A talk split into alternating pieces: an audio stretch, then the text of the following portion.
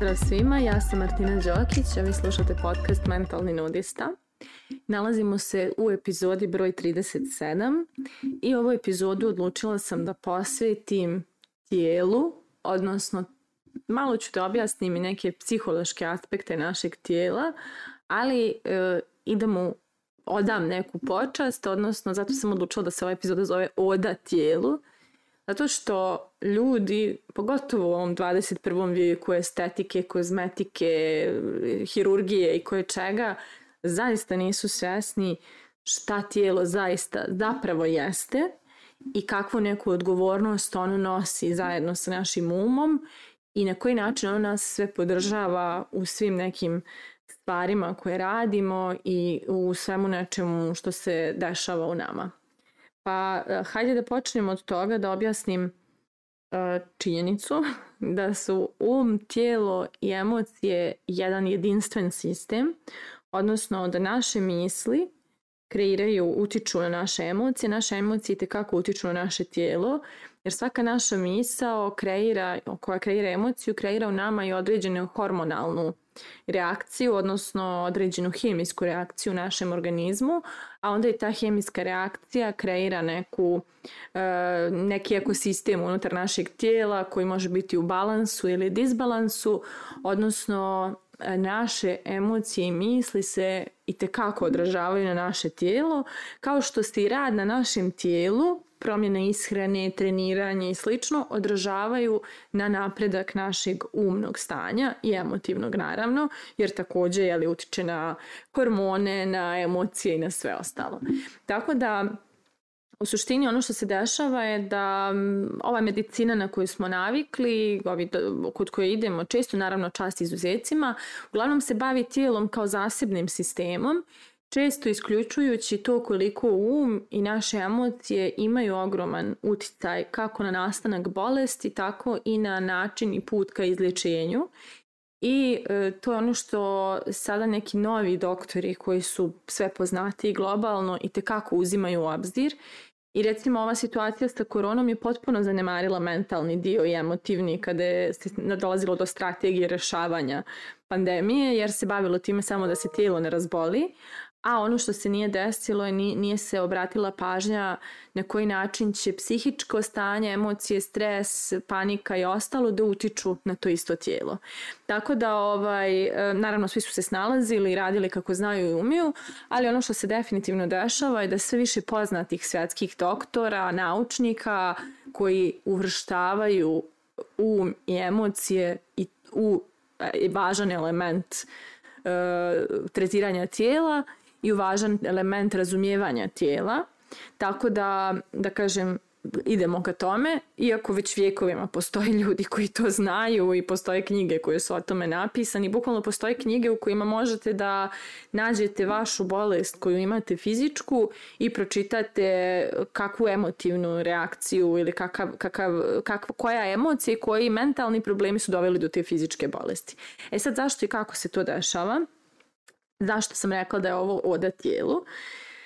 Zato što e, mi tijelo jako mnogo, ne svi naravno, ali većina ljudi jako mnogo tijelo gleda kroz neki e, estetski aspekt. Da li smo debeli, mršavi, visoki, tanki, de, niski ili kakvi god. Da li imamo stomak, ne imamo stomak, dupe, grudi, ne znam, mišiće, imamo, ne imamo. Znači sve se nešto gleda kroz tu estetiku koja jeste lepa i naravno super je kada smo i fizički atraktivni. Ali ono što često radimo jeste da ugnjetavamo svoje tijelo zato što ne zadovoljava neke te norme i na, bukvalno e, odnosimo se prema njemu sa ljutnjom i krivicom i, i, i odbacivanjem zato što naše tijelo za Boga nije uklopilo se u neki izmišljeni standard koji je bukvalno kapitalizam napravio da bi razne neke industrije mogle da, da super funkcionišu jer ti standardi postoje. I e, baš zbog toga e, često naše tijelo ne dobija od nas tretman kakav zaslužuje, a zaslužuje da ga volimo. Zaslužuje da ga volimo zato što je tu da nas nosi kroz život. Zaslužuje da, nas, da ga volimo zato što nam pomaže da idemo ka svojim ciljevima, da radimo stvari koje želimo da radimo. Zaslužuje da ga volimo zato što nam pomaže da iskanališemo neke teške emocije koje ne uspijevamo, pa se nekad i razbolimo da bi nam tijelo pomoglo da iz nas izađe to što mi nismo uspjeli sami da ispustimo iz sebe, jer nismo se, ne znam, bavili svojim psihičkim i mentalnim stanjem, pa je tijelo preuzelo na sebe da to nešto pokupi i nekako iskanališi. Ni, nismo, nismo mu zahvalni, ne, ne volimo ga dovoljno, a, a ono čak na sve ovo što sam nabrojala ima i tendenciju da nekad postavi granice koje mi nismo u stanju da postavimo. Znači imate super knjigu Gabora Matea koja se zove Kada tijelo kaže ne. Jer nekad je naše tijelo u stanju da se razboli kako bi postavilo granicu tamo gdje mi nismo postavili, odnosno kako bi nas primoralo da se zaustavimo, stanemo, primirimo i pozabavimo sobom, odnosno iznjegujemo sebe onako kako dugo nismo. Ono nam pomaže i da tim nekim zastojom, nekad zastojem, nekad, e, da kažem, stvara nam prostor da mi postanemo sami sebi fokus, jer mi često zaboravimo to da uradimo zato što nam je važniji biznis, važnije nam je da ispunimo tuđe očekivanja, svoje očekivanja, da postignemo neke norme i standarde, a onda zaboravimo da smo sve vrijeme u lošem stanju i da ne, ne uspijevamo uopšte da uživamo u svom procesu putu, nego se izdrabljujemo doslovno, da naše tijelo nekad povuče crtu, razbolimo se, dobijemo neku prehladu, bolest, nešto i stanemo. I onda malo odmorimo, iznjegujemo se, pozabavimo se sobom i bukvalno naše tijelo nas je na to na neki način primoralo, pritjeralo. Ali eto, ono je toliko moćno neko sredstvo e, funkcionisanja ono je jedno od e, najjačih kanala komunikacije našeg nesvjesnog uma sa nama samima. Jer nesvjesni um nas prvo opomene emocijama, stanjima, ne spavamo, ne jedemo, u stresu smo, znači mi to sve čujemo i vidimo, ali ignorišemo. I da kada mi zanemarimo sve te stvari, naš nesvjesni um kroz tijelo povuče crtu i onda tijelo se, da kažem, zabaguje, zablokira, razboli i mi onda se zaustavimo i prestanemo da radimo to što nam šteti, ako se opametimo naravno. Tako da naše tijelo na mnoge neke načine je tu da nas podrži, pa čak i bolest jer je podrška, vjerovali ili ne, jer pokušava da nam kreira prostor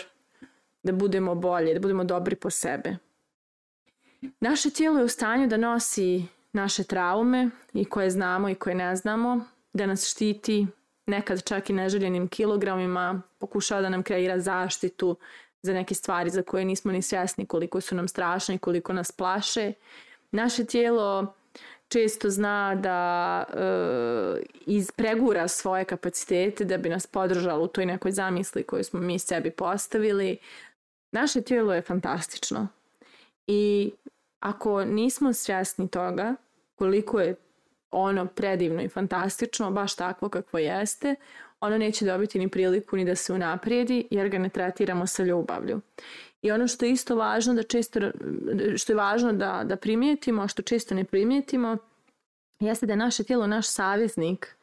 i nema ja i ti, kao ovo sam ja, a ti si moje tijelo. To smo mi. Moje tijelo sam ja. Znači moje tijelo je slika i prilika mene. Ono mi pokazuje gdje se zapostavljam, ono mi pokazuje gdje kršim svoje granice, ono mi pokazuje gdje sam predivna prema sebi, ono mi pokazuje koliko volim sebe i koliko poštujem sebe, tako da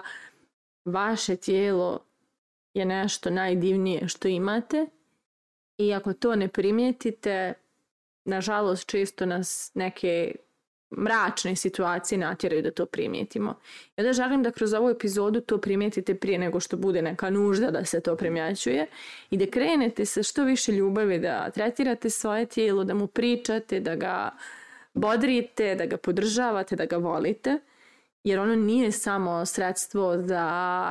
postizanje estetskih normi, ono nije samo način da ne znam šta, privučemo pažnju ili dokažemo da vrijedimo, ono je naš najveći saveznik koji imamo, čak i onda kada nas ne služi, ono to radi da bi nas služilo, odnosno da bi nam pomoglo da iskanališemo nešto što mi sami sa svojom psihom iskanalisali nismo.